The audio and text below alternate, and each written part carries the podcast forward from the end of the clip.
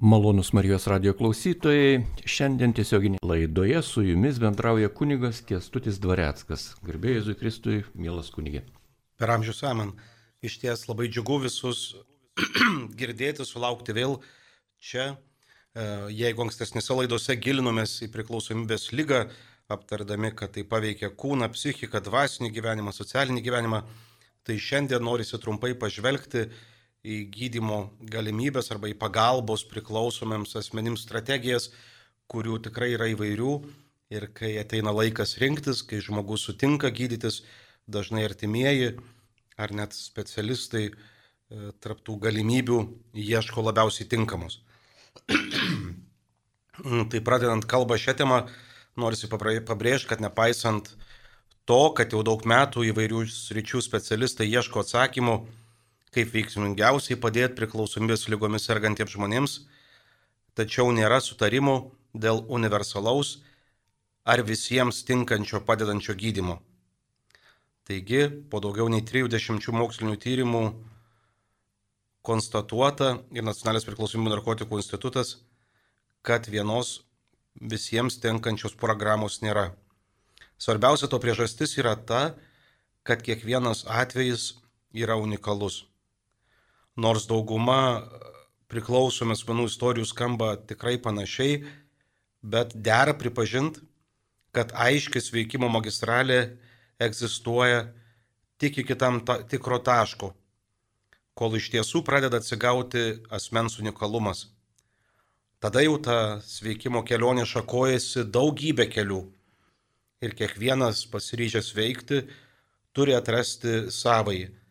Tiesa, kalbant apie sveikimą, dera pripažinti, kad krikščionybės požiūrių daug perspektyvesni ir labiau atitinkantis krikščionybės mokymą yra kompleksiniai gydimo būdai. Tai yra būdai, kurie panaudoja įvairias strategijas nutaikytas į skirtingas žmogaus gyvenimo aspektus. Vienmatę strategiją vadinu tokį pagalbos priklausomam žmogui būdą, kuris susitelkia tik į kurį nors vieno žmogaus būties aspektą. Ar tai būtų kūnas, psichika, dvasinis gyvenimas ar socialumas. Kompleksinė strategija, skirtingai nuo vienmatės, tuo pat metu siekia pokyčių visose priklausomų žmogaus būties aspektuose. Akivaizdu, kad kompleksinė pagalbos strategija reikalauja daug daugiau ir laiko, ir resursų, bei remiasi holistinės mens sampratą vienmatės strategijos, kurias šiandien trumpai aptarsim, nebūtinai neigia pokyčių būtinybę įvairiose ligmenyse, tačiau remiasi prielaida, kad pokyčiai vienoje srityje neišvengiamai skatina pokyčius ir kitose. Taigi, pirmiausia, kai kalbam apie ligas, mūsų galva meta, kad reikia vaistų. Ar priklausomybių atveju tai irgi galiotų, ar yra koks nors vaistas. Turbūt tai kiekvieno priklausomo žmogaus ar jo artimųjų svajonė. Atrast veiksmingą tabletę, kuri suvaldytų priklausomybę arba dar geriau ją panaikintų. Vien per pastaruosius keliasdešimt metų nekartą girdėjom skelbiant sensacingus atradimus vaistus, kurie gali padėti priklausomą žmogui arba net jį išgydyti. Tačiau tiesa ta, kad visi iki šiol sukurti vaistai nuo priklausomybių, nors ir sukrovė nemažus turtus jų gamintojams, tačiau neišbraukė priklausomybių lygų iš sunkių, daug mirčių sukeliančių lygų sąrašo. Aišku, neturėtumėm nuvertinti pagalbinės vaistų funkcijos. Pavyzdžiui, yra vaistai, kurie palengvina priklausomybė sergančiam detoksikacija, kurie padeda ištverti abstinencijos kančias. Kitas dalykas - aktyvios vartojimo laikas, aktyvios priklausomybės laikas paprastai labai nualina žmogų ir vaistai tai gali padėti statyti ir pasiligojusių organų veiklą ir taip toliau. Kita vertus, negalim pamiršti, negalim užmiršti, kad priklausomybė yra tam tikras bėgimas nuo skausmo ir problemų. Taigi svarbu, kad sveikimo kelioniai priklausomas žmogus išmoktų priimti ir išbūti skausmingose trikdančiose patirtyse nebėgdamas į vaistų prieglobstį. Iš ties sunku vadinti sveikimu vienos priklausomybės, žiūrėjau, priklausomybės nuo alkoholio pakeitimu kita, nuo nuskausmamų vaistų ir neuroleptikų. Kalbant apie farmakologinę pagalbą priklausomam žmogui, paprastai taikomasi iš viena iš keturių problemų. Pirmoji - pagalba iškest abstinenciją, antroji - pagirių sindromo gydimas, kaifo gadinimas, bei depresijos ir kitų mąstymo bei elgesio sutrikimų, kuriuos sukėlė priklausomybė gydimas. Vaistai gali padėti priklausomam žmogui, nors tikrai nereikėtų jais piknaudžiauti ir yra nemažai specialistų, kurie skeptiškai vertina medicamentinį priklausomybės lygų gydimą, nes jis turi pernelyg daug panašumų į tai, nuo ko siekiama apsivalyti. Tačiau vaistai negali būti pakankama vienintelė pagalbos priemonė. Mintis, kad galima išgerti piliulę ir susigražinti gyvenimo kontrolę ar net saikingai, galimybę saikingai vartoti įvairių rūšių kvaišalus, nebejotinai labai gundo priklausomą žmogų. Tačiau esmė labai paprasta. Vaistai gali padėti kovoti su simptomais, bet ne su priklausomybės priežastimis. Jau minėta, kad abstinencija tai yra sveikimo pradžios taškas, o ne finišo linija. Farmakologinė pagalbos strategija gali būti veiksminga tik tuo atveju, jei priklausomas žmogus sugebės išmokti naujų elgesio modelių ugdys emocinį raštingumą ir taip toliau. Kitu atveju, tai gali būti nebent pleistras ant gilios puliuojančios žaizdos. Galbūt kuriam laikui jis uždengia nemalonų vaizdą, gal net apsaugo nuo purvo, tačiau esmė yra ta, kad po jo esanči žaizda negyja, o pūliai kaupėsi. Medikamentinis gydimas dažniausiai susitelkia ties dirgikliais, kurie užsuka vartojimo ratą, tačiau neturi galimybių prisilies prie priklausomybių priežasčių. Kita vienmatė strategija, kuri ieško būdų, kaip pakeisti žmogaus mąstymą, nes tai esą veiksmingiausias būdas naikinti savidestruktyvius elgesio modelius. 20-ojo amžiaus pradžioj susiformavus psichoterapijai, ilgą laiką nuoširdus, talentingi psichoterapeutai niekaip negalėjo padėti priklausomiems žmonėms. Jie buvo įsitikinę, kad te reikia atrasti giluminės priežastis, dėl kurių žmogus pradėjo vartoti alkoholį ar narkotikus ir tuomet jau priklausomam žmogui neliks jokio pagrindo laikytis įsikibus į lygą. Tačiau patirtis parodė ir teko pripažinti, kad pati priklausomybė, aktyvus vartojimas yra patologiškas ir nuolat iš naujo kuria problemas. Galbūt gaisras kažkada ir kilo dėl neatsargiai uždegto degtuko, tačiau absurdiška manyti, kad šiandien pakanka užpūsti tą degtuką ir gaisras pats užges. Privalome vieningai pripažinti, kad priklausomybė atveju turime reikalą su įsisiautėjusiu gaisru. Tik jį visiškai užgesinus galim kalbėti apie atstatymą, galima kalbėti apie profilaktinės priemonės, kad ugnis vėl nesugrįžtų. 20-ojo amžiaus antroje pusėje įsitvirtino e, nauja psichoterapijos kryptis - kognityvinė elgesio terapija. Ir ji žinoma buvo pradėta taikyti ir priklausomos menų gydimui. Kognityvinės elgesio terapijos tikslas - restruktūrizuoti toksiškas destruktyves mintis, keisti mąstymą taip, kad išnyktų simptomai ir problemos. Pasak šios pakraipos specialistų įmanoma išjungti destruktyvų elgesį, pakeičiant jį naujomis reakcijomis.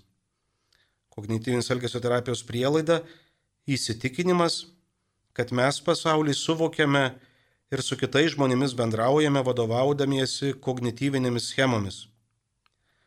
Ir ne patys įvykiai, bet jų interpretacijos sukelia vienokių ar kitokių jausmų, taip pat ir psichologinių problemų. Kognityvinės schemos išfiltruoja aplinkinio pasaulio matymą ir mes matome tik tą tikrovės dalį, kuri atitinka mūsų įsitikinimus. Terapijos metu žmogui siekiama padėti pačiam suvokti savo mąstymo stereotipus ir iki tol neįsisamonintus elgesio motyvus bei padedant specialistui juos koreguoti. Skeptikų tvirtinimu, padedant priklausomiems žmonėms, kognityvinės elgesio terapija teoriškai atrodo kur kas geriau nei praktikoje. Svarbiausia to priežastis, kad kognityvinės elgesio terapijos esmė yra glaudus terapeuto ir kliento bendradarbiavimas. Tačiau ket negali sukurti priklausomo žmogaus motivacijos keistis, net jei tai skausminga ar nepatogu. Jei psichoanalitinė terapija labiausiai susikoncentravus ties problemų ištakomis, tai skirtinis kognityvinės terapijos bruožas - padarinių šalinimas nekeliant klausimo, kas juos sukėlė. Pastebėta, kad kognityvinė elgesio terapija atrodo aktyvi trumpalaikiai perspektyvai, tačiau netokia įgali ilgalaikėje, nes nepajudina priežasčių atvedusių priklausomą žmogų į lygą. Kita vertus, kognityvinis elgesio terapijos įžvalgos ir metodai ir šiandien labai plačiai naudojami kompleksinėse pagalbos priklausomiems asmenims strategijose kaip viena iš sudėtinio gydimo dalių. Vienas turbūt iš daugiausiai žinomų ir labiausiai aptarinėjimų tariamų gydimo nuo priklausomybės būdų - kodavimas. Kodavimas, kaip manyta, suteikė veiksmingą kovos įrankį prieš priklausomybės. Pradžioje tai buvo streso terapijos metodas, kurį ištobulino sovietinis gydytojas Dovžanka, sukūrė įtaigą grįstą sutrumpintą streso terapijos metodą taikoma kartu su klasikinės hipnozės seansais ir pavadino kodavimu. Šis metodas Sovietų sąjungoje buvo užpatentuotas 1984, o Lietuvoje pradėtas taikyti nuo 1996. Šiandien kodavimas Lietuvoje yra išbrauktas iš pagalbos priklausomiems asmenims priemonių sąrašo nes nėra jokių mokslinių tyrimų, kurie pagrįstų šio metodo veiksmingumą. Nepaisant to, netrūksta žmonių, kurie renkasi kodavimą, galima išgirsti ne vieną sėkmės istoriją apie tai, kad šis metodas pakeitė žmogaus gyvenimą visam laikui. Vertinant kodavimo metodą iš krikščioniškos perspektyvos, jis net laiko jokios kritikos, nes remiasi ne žmogaus išlaisvinimu, kompleksiškais pokyčiais, bet įbauginimu, kuris geriausiu atveju šaldo problemas, kurios veja į lygą, o dažniausiai paprasčiausiai sukelia nusivylimą paaiškėjus, kad kodas tikslo nepasiekė. Mąstymo ir elgesio pokyčių galima siekti ne tik psichologinėmis, bet ir religinėmis priemonėmis. Yra iš ties nemažai religinių bendruomenių, dažniausiai tai mūsų broliai sėkmininkai ir baptistai, kurios teikdamos pagalbą priklausomiems žmonėms dėmesį sutelkia įskirtinai į dvasinį aspektą ir yra įsitikinusios, kad religinis atsivertimas yra raktas į deformacijų visose žmogaus gyvenimo ligmenyse pašalinimą. Viena iš seniausių reakcijų priklausomybė yra pastanga perkeis priklausomo žmogaus charakterį per intensyves Biblijos studijas ir maldą, izoliuojant jį nuo prastą įtaką darančios aplinkos. Iš ties yra liudijimų, kad kartais alkoholikams ar narkomanams pakanka pakeisti aplinką, suintensyvinti religinį gyvenimą ir gyvenimas pradeda keistis.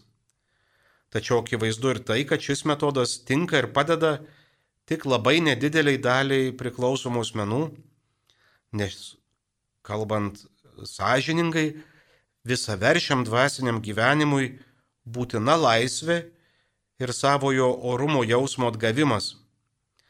O tai reanimuoti ir yra sunkiausia, bei paprastai reikalauja darbo visuose asmens ligmenyse. Kitas dalykas, kaip minėjom, priklausoma asmenybė yra labai konformistiška ir lengva supainiot autentišką veikimą su bėgimu nuo vieno stabo prie kito. Tai, kas aplinkiniams, o ir pačiam žmogui gali atrodyti kaip žingsnis veikimo link, iš tiesų gali būti tik priklausomybės transformacija. Kitaip sakant, vietoj tikro atsivertimo priklausomas žmogus gali paprasčiausiai vartoti religiją kaip pabėgimo nuo laisvės ir atsakomybės strategiją. Maldos už priklausomus žmonės, pastangos atgyvinti perdžiavusi priklausomus vienų dvasinį gyvenimą yra iš ties labai svarbu. Tačiau būtina įsisamoninti, jog paprastai tai yra viena iš svarbių priemonių, bet ne vienintelė jie nederėtų apsiriboti. Turim padėti žmogui siekti pokyčių visuose ligmenyse, kuriuos ir įskiria krikščioniškoji antropologija. Beje, bent jau mūsų krašte akivaizdi tendencija, kad pagalbos priklausomiems asmenims bendruomenės, taip pat ir tos, kurios pradžioje orientavosi vien tik į dvasinius pokyčius, ilgainiui keičiasi, įgydamos patirties virsta kompleksinėmis reabilitacijomis, į kurių darbą įtraukiami ne tik sielovadininkai, mm, dvasiškiai, bet ir socialiniai darbuotojai, psichologai, medikai ir ta pati 12 žingsnių programa. Malonus Marijos radijo klausytojai, primename, jog šiandien su jumis bendrauja kunigas Kestutis Dvareckas. Laida yra tiesioginė ir jūs galite skambinti, užduoti klausimus pagal tą temą, kurią kunigas šiandien ir gvildena laidoje. Taigi tiesioginio eterio telefono numeriai, kaip visada, tie patys 837 3232 30. Taip pat galite atsiųsti ir trumpąją žinutę SMS 865049107. Kartoju telefono numerius 837 3232 3230 ir SMS žinutėjai 8650 49107. Taigi, tęsime laidą prie mikrofono kunigas Kestutis Dvareckas. Dar keletą minučių skirkime aptarti e, taip pat dažnai klausimų keliančią strategiją, tai žalos mažinimo idėja. Verta tikrai pristatyti radikaliai kitokią pagalbos priklausomiems žmonėms strategiją, kuri buvo kažkaip sutartinai pavadinta žolės, žalos mažinimu. Jeigu iki šiol aptartas vienmatės pagalbos strategijas galima kritikuoti už per didelį optimizmą, kad pakanka susitelkti į pokyčius viename žmogaus gyvenimo ligmenyje ir tai leis sėkmingai veikti, tai 20-ojo amžiaus pabaigoje susiformavo ir labai greit išpopuliarėjo pesimistinė pozicija Tai yra, jog priklausomo žmogaus veikimas yra labai ilgas procesas. Jam ryštasi toli gražu ne visi sergantis ir dar labai daug bandžiusių sveikti sugrįžta į lygą. E, tai jei negalima pastumėti žmonių sveikti, galbūt galime pasirūpinti, kad jų veiksmai nebūtų tiek destruktyvūs. Pavyzdžiui, labai daug nuo narkotikų priklausomų žmonių serga ir sunkiomis užkrečiamomis lygomis, kurių naudojimasis tuo pačiu švirkštu. Be to, vartojimo fazėje esantis priklausomas žmogus neretai kelia pavojų ir aplinkiniams. Pavyzdžiui, nuo narkotikų priklausomas žmogus, kuriam trūksta pinigų doziai, gali ryštis ir vagystė, ir apiplėšimui, taip nuskriausdamas ar net sužeisdamas kitus žmonės. Taigi žalos mažinimo strategijos, kurie įtvirtina, kad privalome realistiškai priimti tikrovę ir pripažinti, kad visuomet bus žmonių, kurie vartos kvaišalus ir mūsų uždavinys kaip visuomenės yra kiek tik sugebam sumažinti jų daromą žalą savo patiems ir likusiai visuomenės daliai. Paprastai žalos mažinimo programa apima tris veiklos rytis - žemos lenkščio paslaugas, švirkštų dalinimo programas ir pakaitinį medicamentinį gydimą. Tai visus tris trumpai aptarkim. Žemos lenkščio paslaugos tai siekis sudaryti narkotikų vartotojui lengvai prieinamą aplinką, kurioje jis gali gauti socialinės ar sveikatos priežiūros paslaugas. Paprastai šias paslaugas teikiantis kabinetai kuriami gatvėse, kur mėgsta būriuotis priklausomi žmonės. Klientams garantuojamas anonimiškumas, bandoma pasiekti ir tuos narkotikų vartotojus, kurie izoliuotai gyvena nuo kitų. Visiems, kurie kreipiasi, suteikiama būtina informacija, dalinami sterilus e, švirkštai, tvarščiai, duodami adresą įstaigų, kur galima pasitikrinti sveikatą ar gauti pagalbą. Kitas rytis - švirkštų dalinimo programos, kurios nebūtinai vykdomos per žemos lenkščio paslaugas. Jos gali būti rengiamos e, per įvairias akcijas. Jų tikslas - mažinti sunkių infekcinių lygų skaičių ir teikti informaciją apie tai, kokios papildomos lygos gali užklupti jei narkotikų vartotojai elgsis neatsakingai. Daugiausiai ginčių ir kritikos sukelia pakaitinis medikamentinis gydimas, kuris pristatomas kaip svarbi žalos mažinimo dalis ir skirta pirmiausia nuo heroino priklausomiems ligonėms. Labiausiai ginčytina šiuo atveju, ar tai tikrai yra gydimas. Sintetinis opioidas metadonas buvo sintetizuotas Vokietijoje antro pasaulinio karo metais, kai buvo sutrikusi natūralių opioidų gamyba. Tik 21 amžiaus pradžioje buvo garsiai pradėta kalbėti apie tai, kad per didžiuosius praėjusio amžiaus karus buvo gausiai naudojamos narkotinės medžiagos manipuliuojant karių nuotaikomis. Metadonas buvo sukurtas kaip veiksmingas nuskausminamasis, tačiau labai greitai paaiškėjo dar viena svarbi jo savybė. Jis taikosi į tuos pačius smegenų receptorius kaip ir opijatai, kaip ir heroinas. Tai reiškia, kad metadonas gali būti vartojamas kaip esą daug mažiau pavojingas heron, heroino pakaitalas. Jau 1964 metais viešai buvo pristatyta pakaitinio priklausomybės nuo heroino gydimo programa.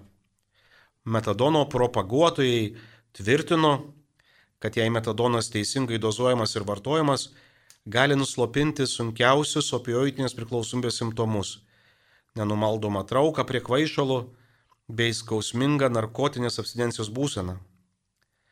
Dar po kurio laiko buvo pristatytas kiek modifikuotas pakaitinio gydimo vaistas buprenorfinas, kuris, kaip teigia įkūrėjai, jo kūrėjai sukelia daug mažiau šalutinių poveikių nei metadonas.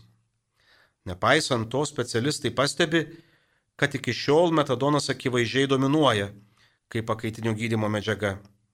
Turbūt viena iš svarbiausių priežasčių - gerokai žemesnė jo kaina, kuri ir gundo pakaitinį medicamentinį gydimą vykdančias organizacijas organiz... labiau orientuotis į kainą o ne į švelnesnį veikimą. Pakaitinio medicamentinio gydymo entuziastai atkreipia dėmesį į tai, kad narkomano perėjimas nuo heroino prie metadono be kita ko reiškia ir kontrolės galimybę. Narkomanas vartojantis metadoną visą laiką yra metadoną dalinančios organizacijos regos laukia ir gali būti jos kontroliuojamas. Tai kodėl toli gražu ne visi specialistai metadoną laiko gerai išeitimi ir griežtai kritikuoja vis augantį jo vartojimą taip pat ir mūsų krašte. Turim skambutį, klausom jūsų. Mums paskambino genė iš Vilniaus rajono, taigi gerbiamą genė užduokit klausimą. Garbė Jėzui Kristui. Per amžius amen. Aš čia norėjau pasakyti, o kodėl atmeta Jėzaus Kristaus pagalba? Aš žinau, kad ne vieną narkomaną ir ne vieną girtuoklį yra išgydęs Jėzus Kristus. Tai kaip čia galima atmesti pasaulio atpirkėją, pasaulio gelbėtoją, kuris tikrai gelbsti ir padeda nuo, visų, nuo visokių lygų negalių. Ačiū Jums labai už tikrai nuoširdų klausimą. E, nori kaž, norisi kažkaip pabrėžti, gal mūsų mes, kaip ten būna, kad prieinam taip arti prie medžio, kad nematom visumos.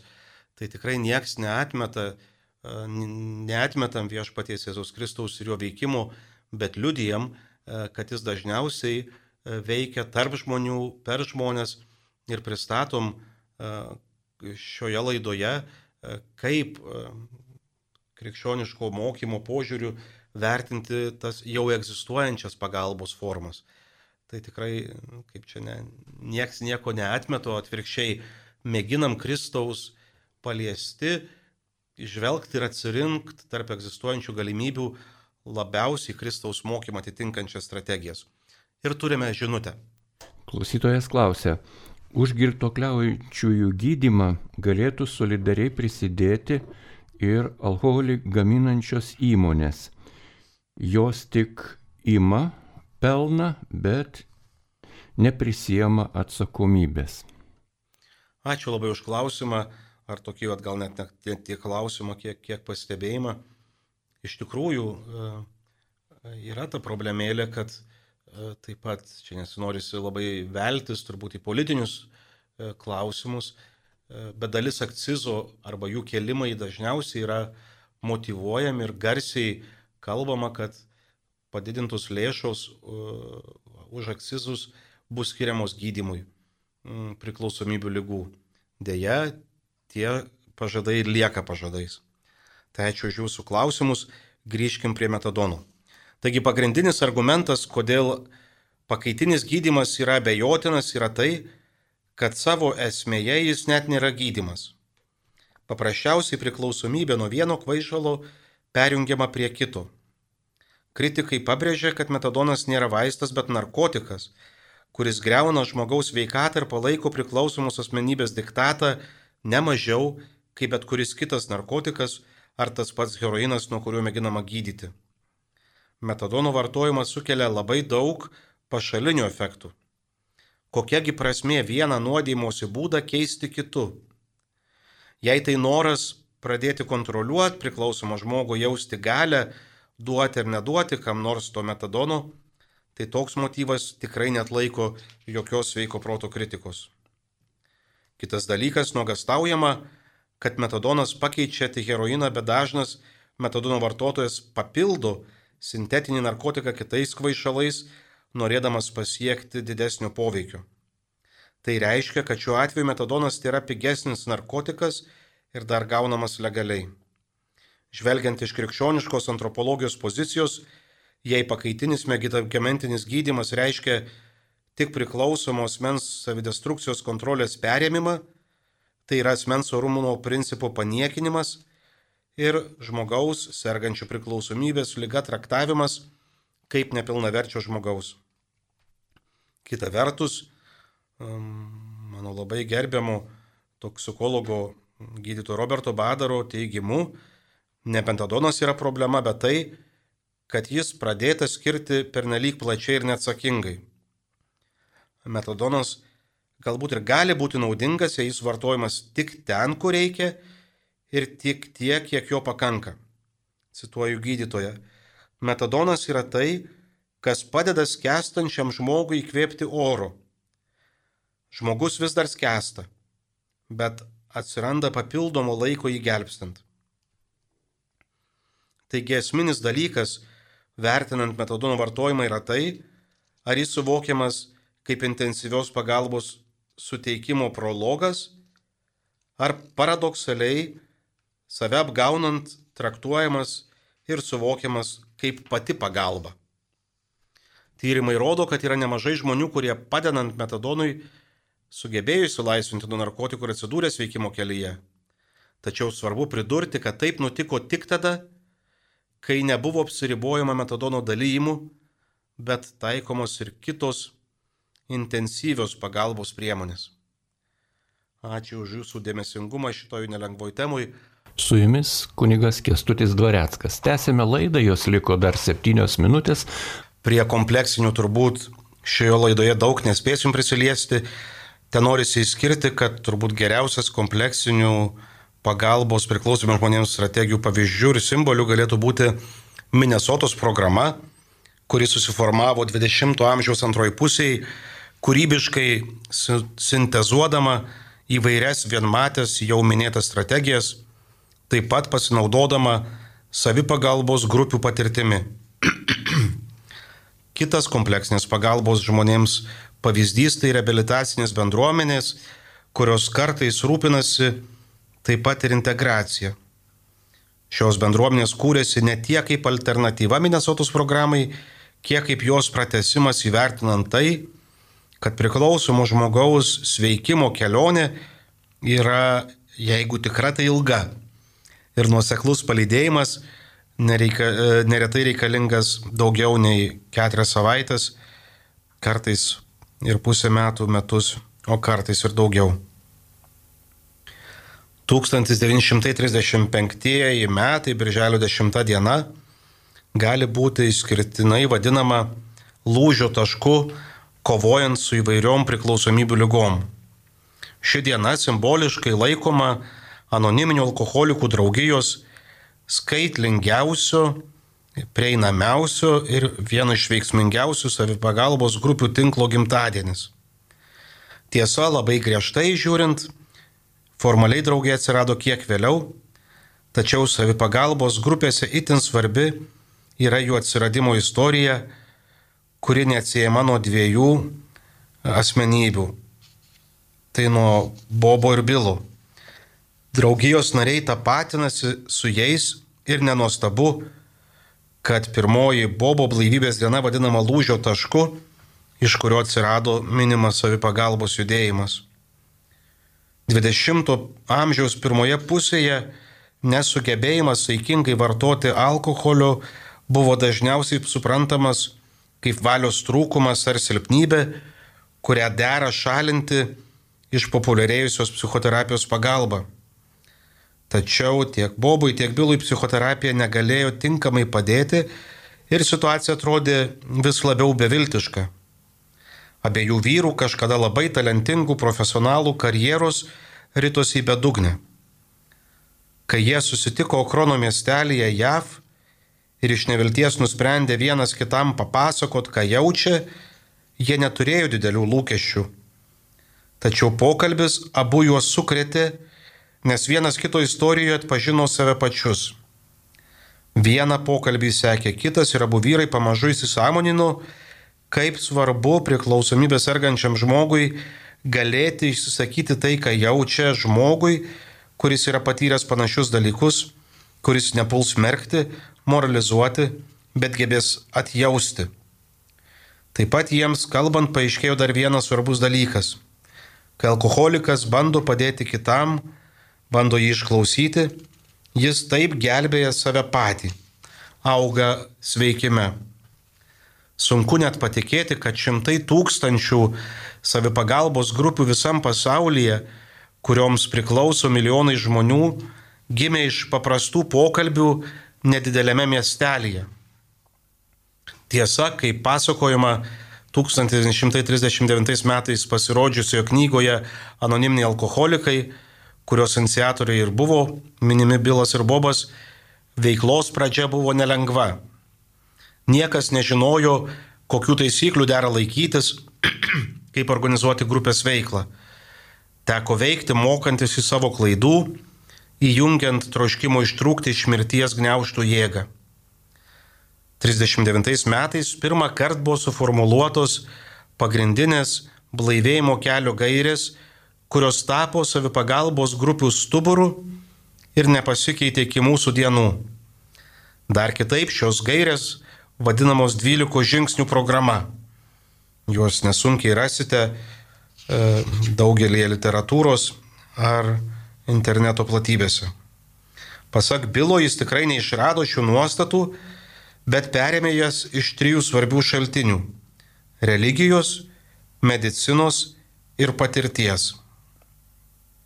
Pradžioje katalikai įtariai vertino anoniminių alkoholikų judėjimą net Amerikoje, kaip pernelyg susisijusi su protestantiškomis bendruomenėmis. Tačiau, kai anoniminiai alkoholikai galutinai nutraukė santykius su protestantišku Oksfordo judėjimu, kuris buvo padaręs nemenką įtaką bylo pasaulyje žiūrai ir katalikų požiūris pradėjo keistis. New Yorko katalikai tapo pirmieji, kurie savo parapijose išnagrinėjo 12 žingsnių programą ir iš principo jai pritarė. Prie pozityvaus JAV katalikų požiūrio į anoniminio alkoholikų judėjimą labai prisidėjo jezuitai, kurie tvirtino, kad yra svarbių panašumų tarp 12 žingsnių programos ir Švento Ignaco dvasinių pratybų. Ačiū už Jūsų dėmesį prie pagalbos priklausomiems žmonėms, strategijų aptarimo grįšime kitoje laidoje. Dieve laimink mus, kad gebėtumėm tarp daugybės galimybių rinktis Jėzų. Amen. Jūs girdėjote laidą, kurioje jums pasakojo kunigas Kestutis Dvareckas. Likite su Marijos radiju.